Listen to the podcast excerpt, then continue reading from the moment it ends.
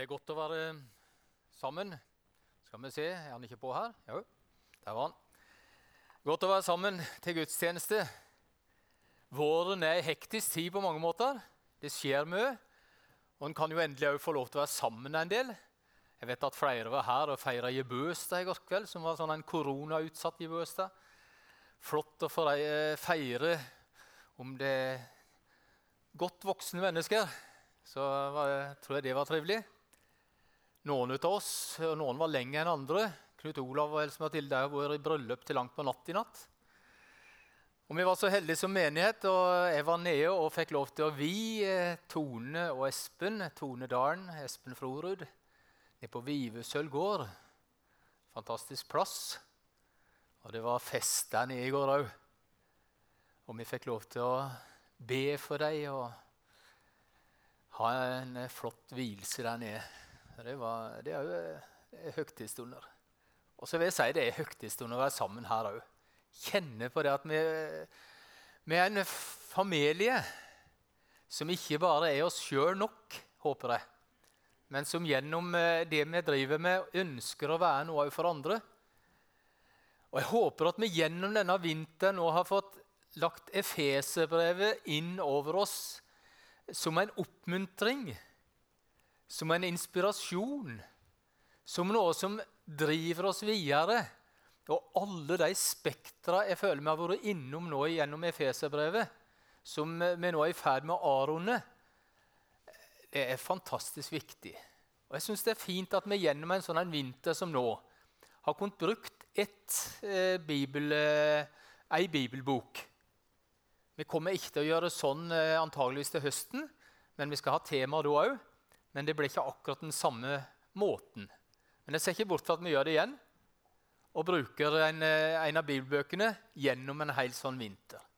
Og Efeserbrevet har stått i, i eh, fokus for oss. Og jeg tror ikke det er mange av dere som ikke har opplevd det nå i vinter. Iallfall de som har vært på mer enn én gudstjeneste før i dag. Så håper jeg at dere har liksom fått med dere her gjelder Efeserbrevet. Eh, der er skrevet mye om Efeserbrevet, det er vitna mye om Efeserbrevet. For det at det er så rikholdig. Jeg har brukt en del i mine forberedelser òg. Eh, nå ei bok ut av Kurt Hjemdal som heter 'Innta din himmelske arv', som er 40 dager med Efeserbrevet. står det. Den har jeg brukt som litt utgangspunkt, for jeg, jeg er sånn at jeg bruker og stjeler, for å si det rett ut, ut av andre òg. Jeg klarer ikke å, å produsere alle tankene sjøl. Det, det gir meg ut av andre ting. Og så håper jeg at det som jeg formidler, kan være noe fra meg, for å si det sånn, om jeg har brukt andres utgangspunkt òg. Og så er vi kommet helt mot slutten av Efeserbrevet nå. Nå har vi hatt eh, to søndager. Jeg skulle tatt en, sånn en spørreundersøkelse, så har vi snakka om de to siste søndagene. Eller har Kari snakka om og, og leda oss i de to siste søndagene? Eh, skal jeg kan tenke etter?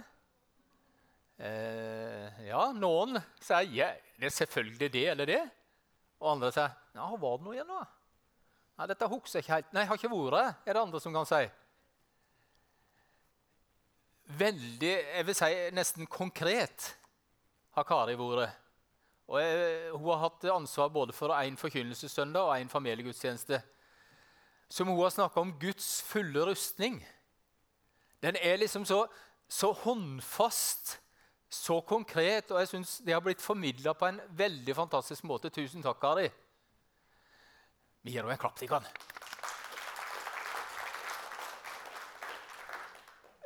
Så jeg tenkte at egentlig så, Dere vet det kanskje ikke, men i vårt program så var det kanskje sett opp at vi skulle hatt det i dag òg. Men jeg går litt videre, og hun, var, for så vidt, hun gikk litt videre sist gang òg. Så hun sa de to versene, som er liksom sånn en overgang der. Men jeg, ikke, jeg, ikke jeg, kan, jeg kunne ikke ha sagt det noe bedre. I alle fall. Jeg kunne ha sagt det på andre måter, kanskje, men eh, da hun har snakka så konkret om sverdet, om skoa, om hjelmen, om brynjen og de tingene her, og, og det er en rustning som du og vi skal ha med oss. En rustning som vi skal få lov til å ikle oss. En rustning som skal være noe for det og meg i hverdagen. praktisk på mange måter. Eller iallfall håndfast og, og, full av symbolikk på mange måter. I, i forbindelsen her, sånn at vi, vi, gjenkjenner noe av det sjøl er ikke mer er så vant til de her rustningene sånn som, som det har vært snakka om. Men det har vært fint. Og så fortsetter vi på mange måter uten å forlate rustningen.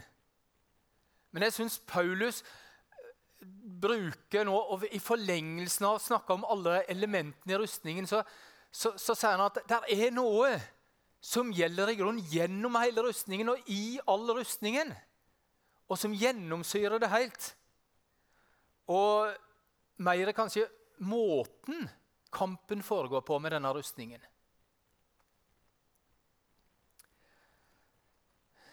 Vi henter òg inn igjen, føler jeg, noe av det som eh, jeg snakka om tidligere i Efeserbrevet. Hvis dere kan huske i kapittel 3 eh, Det var ett eksempel bare. Et par plasser der så begynner Paulus avsnitt med at 'derfor bøyer jeg mine kne for Faderen'. Og Da kan kanskje skjønne hva vi er inne på nå. Ja, Vi er inne på det med bønn. Bønn fortsetter Paulus med nå etter rustningen. Ikke som liksom at nå legger vi vekk rustningen, og så går vi inn i temaet bønn. Men han knytter det sammen. Henger det sammen med at her er bønn noe som gjennomsyrer det hele. Som er med i alt. Du kan liksom ikke løsrive det fra den ene rustningen eller fra den andre. Det er lett å huske det at liksom sverdet er én ting, Brynja er én ting. Skoa er én ting, hjelmen er én ting, liksom, som, som ble nevnt på. Og så sammenligner han det på mange måter med, med bønn. Bønnen er noe som er en del av gjennomsyret hele. Og vi skal lese den teksten som er nå for i dag. Og Da er vi fortsatt i det helt siste kapittelet i Efeserbrevet. Nesten helt på slutten. Det er noen vers igjen som vi skal ta fram seinere. Men ha, bak, ha, bakgrunnen nå med rustningen som det er fortalt om, fram til og med vers 17. Vi, kunne, nei, vi bruker ikke tid på å lese den om igjen. Men, men vi husker den ikke sant, litt om det. Og nå når han har snakka om denne rustningen, så fortsetter han slik i Jesu navn. Gjør dette i bønn, og legg alt fram for Gud. Be alltid i Ånden. Våk og hold ut i bønn for alle de hellige, òg for meg. Be om at de rette orda må bli gitt meg når jeg skal tale, så jeg frimodig kan gjøre evangeliets mysterium kjent. Det som jeg er sendebud for, for òg mens jeg er i lenker. Be om at jeg ved evangeliet får frimodighet til å tale slik som jeg skal. Det er Paulus' på en måte avslutning av denne sekvensen med sendebue. Med, med rustningen, mente. Og vi kjenner til at vi, Det er vel Hallesby som sier det i 'Bønnens verden', den boka, lille heftet som er gammelt, at bønnen blir sammenligna med kristenlivets åndedrett. Pust, altså. Jeg har armen der. Jeg har eh, hodet der. Jeg har beina der. Og så blir òg menigheten og kristenlivet sammenligna med en kropp. Og ser du liksom her at Jeg kan godt ha neven der. Ja, men jeg trenger ikke å leve. Jeg kan være død og fortsatt ha neven der.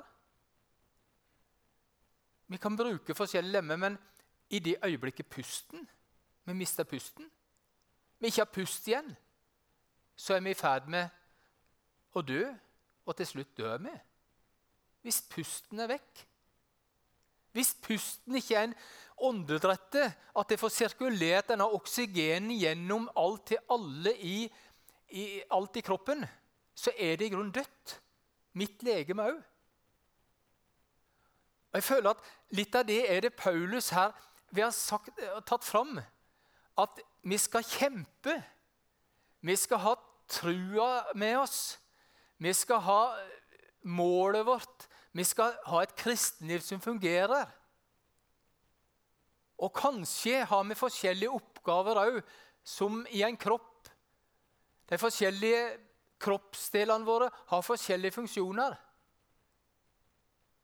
I det øyeblikket pusten er vekk, så har det ingen grunn, effekt. Ingen virksomhet. Ikke noe som er nyttig. Og Hvis du ser denne sammenligningen som jeg i alle fall føler jeg får dette her, I det øyeblikket bønnen og kontakten med Gud er vekk for oss I det øyeblikket vi ikke har denne her fortrulige samtalen og fortrulige kontakten gjennom bønn med Gud, så på en måte faller noe av vårt kristenliv og noe av vår funksjon òg vekk. Det blir ikke det livet det som det skal være.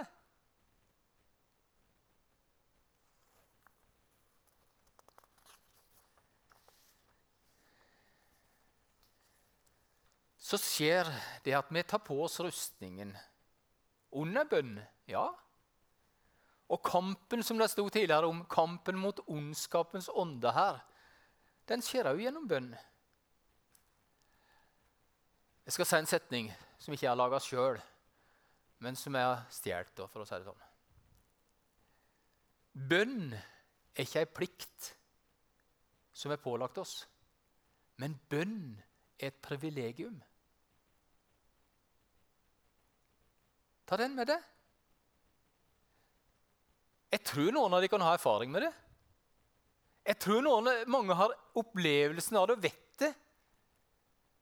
Men av og til så kan det bli litt krampaktig for oss òg. Av og til kan det bli litt sånn utfordrende for noen.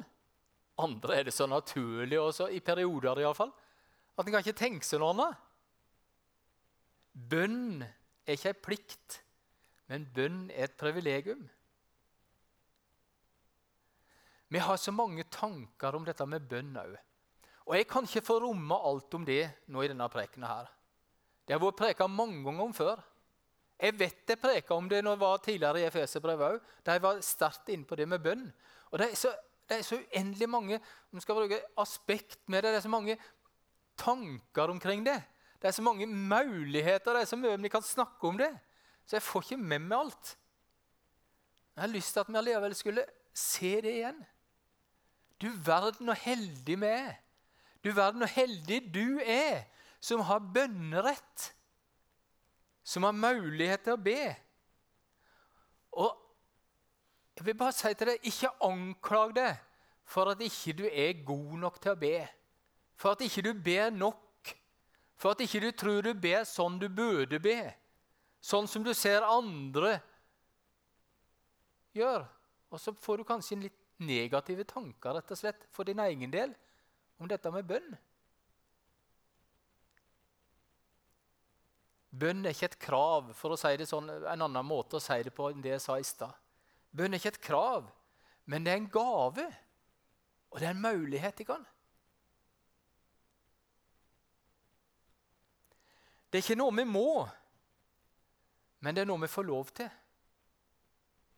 Og jeg tror Det er viktig at vi ikke legger på noen bestemte krav på hvordan våre bønner skal være, hvordan vårt bønneliv skal være. Vi kan gi noen tips. Vi kan gi noen oppmuntringer. Og vi kan gi noen gode måter å gjøre ting på. Ja, sånn at vi rett og slett lærer mer om bønn. Sånn at vi kan bruke det mer. På bønnemøtet nå før, eh, før gudstjenesten klokka halv elleve bare nevner jeg at Det er plass til flere på det normalt. Halv elleve inn i bønnerommet. Der var vi inne på det. Det var Eva som leda bønnemøtet der inne i dag. Og hun nevnte dette ordet òg fra Tessalonikerbrevet, der det står at vi skal be uavbrutt. Eller i andre oversettelser be stadig. Det høres på mange måter helt umulig ut. Men jeg tror ikke Paulus går og tenker på at vi skal be sånn, gå sånn som fromme mennesker og be hele tida liksom i denne her stillingen. Eller vi heller ikke skal måtte ned på kne til faste tider gjennom hele døgnet, sånn som andre religioner har for vane, eller har som plikt. Jeg tror ikke det er det han tenker på. Men jeg tror han sier at se på den muligheten du har til å be stadig. Og Eva sa det at kanskje stadig er et enda mer nært ord for oss enn uavbrutt. Hvilken teologisk eller oversettelse som er mest riktig, det for, så være det for å strides om andre. Men jeg tror vi kjenner på det at det å få lov til å be stadig uten å tenke på det at vi, vi går i bønn Men det å vi skal bruke uttrykket 'leve' i bønnen La bønnen bare være en del av det som er mitt liv. Før ble det av og til sagt, og det er kanskje noen av oss som sier den, at vi sukker og ber stadig. Den. Vi går stadig og sukker og ber. Noen sier at vi går og suller og ber, sier kanskje noen eldre mennesker. Ja, det er en fin tanke. Dette har kunnet liksom leve i et slikt forhold til Gud at vi får lov til å leve i bønn. Jeg har lyst til å oppmuntre til det. Ikke vær så opptatt at du må be til deg og de tider. Nødvendigvis ikke. Eller at du må be slik og slik, eller med så og så mange ord. Det var jo det disiplene spurte Jesus om. Du, Lær oss å be, da. Så sa han ikke vær sånn som hedningene og remse opp mange ord engang. Du kan bruke Fader vår, eller vår far. Jeg har lyst til å si til deg Be om å få lov til å leve i dette bønnelivet konstant. Der du, du kjører eller du går, eller du er ute i hagen, eller du slår plenen nå, eller hva du måtte gjøre, er på jobb Kan leve i en slik Jeg kjenner at jeg får lov til å liksom Ja, Jesus, nå ble jeg minnet om akkurat det. Og så er sikkert du òg det. Jeg minner deg iallfall på det. Eller at det kommer et ord Oi, ja, det ordet det er det lengste jeg har tenkt på. Eller det ordet som du da plutselig den dagen ble minnet om, det var ja, Var ikke det noe som de tok fram på gudstjenesten om søndagen?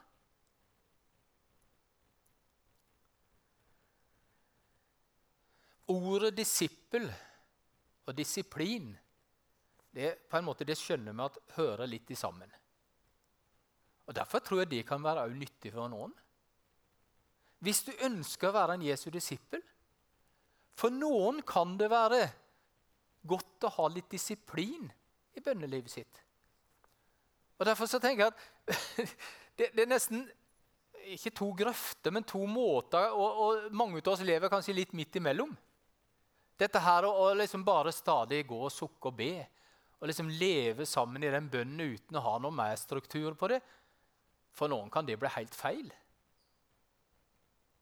Eller for andre som har de her faste bønneritualene. Som tenker at 'jeg må be hver morgen', eller 'jeg må be hver kveld'. Eller jeg må be for maten. Eller jeg må be med ungene. Hvis det blir en kamp og et krav som blir utfordrende for oss, så er det heller ikke godt. Men noen trenger noen sånne disipliner.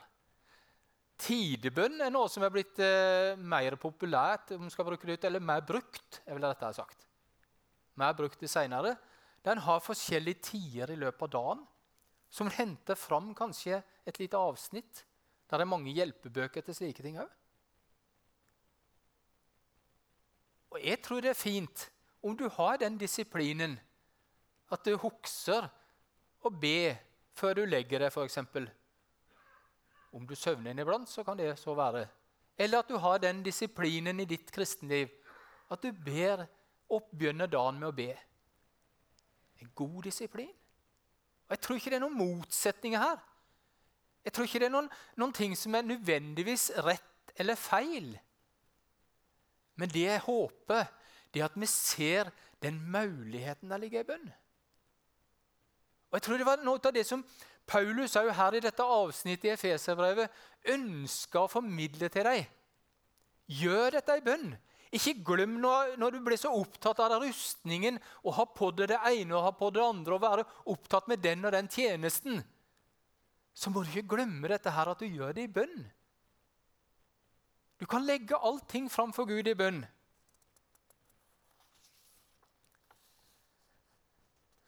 Så sier jo også Paulus i 2. Korinterbrev at der Herrens ånd er, der er det frihet. Ja. Så kan jeg synes at han, han, på en måte ikke er enig med seg sjøl. Når han en plass sier 'be stadig', 'be uavbrutt', og på den andre sida sier 'det er Guds ånd', der er det frihet. Du trenger ikke å ha noen ting å, å, å rette deg etter, nesten. Jeg tror ikke det er sånn han tenker heller. Jeg tror det er viktig å finne vår måte å gjøre det på. Og så sier Paulus òg her at be for alle de hellige, altså hele Guds folk. Lurer du på hva du skal be om? Er du gått tom for bønneemner? Ja, da har du det her, iallfall. Be for alle hellige. Faktisk så er det en fin måte som Paulus her minner oss på. Be for en annen. Er det noen av dere som ber for noen av de andre som sitter her inne? Eller noen av de andre som dere vet ønsker å leve for Jesus? Jeg tror det er mange. Jeg tror det er mange som ber for en annen. Og Det er nettopp etter denne oppfordringa han, han, har gitt her. Og så er han òg faktisk så frimodig at han ber om forbønn for seg sjøl. Det går an Derikon, å be om forbønn for seg sjøl, som Paulus òg gjorde. Hadde jeg vært Paulus Det hadde jeg aldri blitt. Det blir aldri. Det er aldri. Men hadde jeg vært Paulus' eh, situasjon, da Husker dere eh, hvilken situasjon han var i når han skriver dette brevet? Han var i fangenskap. Han satt i fangenskap. Og en kunne tenkt som så at Var det noe Paulus var opptatt av å be om, så var det at han måtte bli fri fra fangenskapet. Han hadde jo så mange oppgaver. Han hadde jo så mye han skulle ha gjort. Han hadde jo en sånn evangelist- og disippelsinn i seg jeg skjønner ikke at Gud hadde råd til å sette han i fangenskap. At Gud tillot at han ble sittende der. Så mye han kunne ha gjort, så mye han kunne ha vitna om. Paulus kunne ha vært opptatt av det og bedt seg fri. Nå må de kan be inderlig til Gud for meg at vi må bli fri så jeg kan tjene Herren sånn som jeg tror han vil. Men så er det ikke det som er fokuset hans engang. Han ber at de skal be for han, men han ber om at han den, i den situasjonen han er i, kan bli brukt. I den situasjonen han har, kan bli brukt sånn som Gud vil. Han ber om forbønn for tjenesten sin. Og jeg tror vi har mye å lære her. Der bønna hele tida kan bare er om meg og mitt og mine problemer, så tror jeg at vi har mista en avgjørende dimensjon. Men for all del det står at vi skal få legge alle ting fram for Gud i bønn og påkallelse med takk. Det er ikke noe du ikke kan be om i ditt liv òg. Jeg har lyst til å løfte fram allikevel. Se at ja vel, du er i den situasjonen du skal få be for den situasjonen som kanskje er utfordrende akkurat nå. Det kan du be om. Og det kan du be om forbønn for å be at andre vil be om. Men kanskje det er andre ting òg du skal få lov til å løfte blikket mot. Og være med og be for. Andre som er i tjeneste. Lederne som samles veke til veke. Mennesker som har tjeneste her på huset eller i andre kirker og menigheter som står fram. Kan du få lov til å be for. Du burde oppfordre til det, faktisk.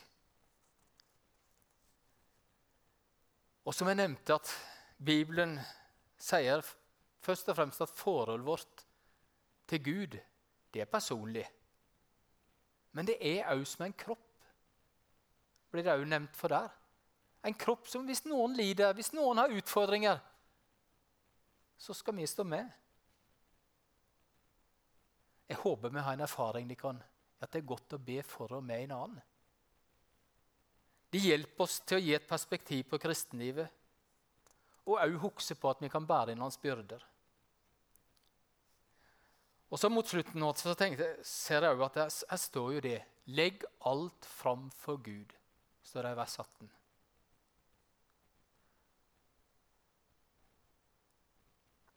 Jeg tror òg at ikke står i mange ting akkurat nå. Det kan være enten de kan være småbarnsforeldre, enten de kan være besteforeldre, enten de kan være pensjonister eller i yrkeslivet. Det kan være sykdom, eller det kan være andre ting. Byrder som er tunge. Eller dører som syns å være lukka. På forskjellige måter. Jeg har lyst til å si legg det fram for Gud. La oss hjelpe hverandre til å legge det fram for Gud. Når du tar på deg Guds fulle rustning og gjør det i bønn, så tror jeg òg at du skal få erfare at Gud er mektig til å svare. At du skal, kan bli stående i kampen. Det er forskjellige ting med bønn, som sagt. Og Jeg kan ikke komme inn på alle ting. Men vi har muligheten til å kjenne på at vi har et fellesskap her òg. Der bønn kan bli brukt for og med en annen, for å si det sånn. Både til å ta imot andre som vil be for oss, og det å være med og be for andre som trenger det. Ting i livet våre spesielt. Eller i den tjenesten du har. Og Da tenker jeg ikke bestandig på tjeneste som sånn at du har en lederoppgave eller du har en, en forkynneroppgave. eller slike ting. Tjenesten kanskje du har fått med å være vitne for de andre i husstanden din. En tjeneste du har fått med å snakke kanskje, eller be spesielt for noen i nabolaget. Det kan være så forskjellige. Men jeg håper vi kan være et fellesskap der vi kan hjelpe hverandre på det planet. En kamp og utfordring vi står i hver for oss, som gjelder våre personlige liv og relasjoner. At vi kan be, bli bedt for i en utfordring vi står i.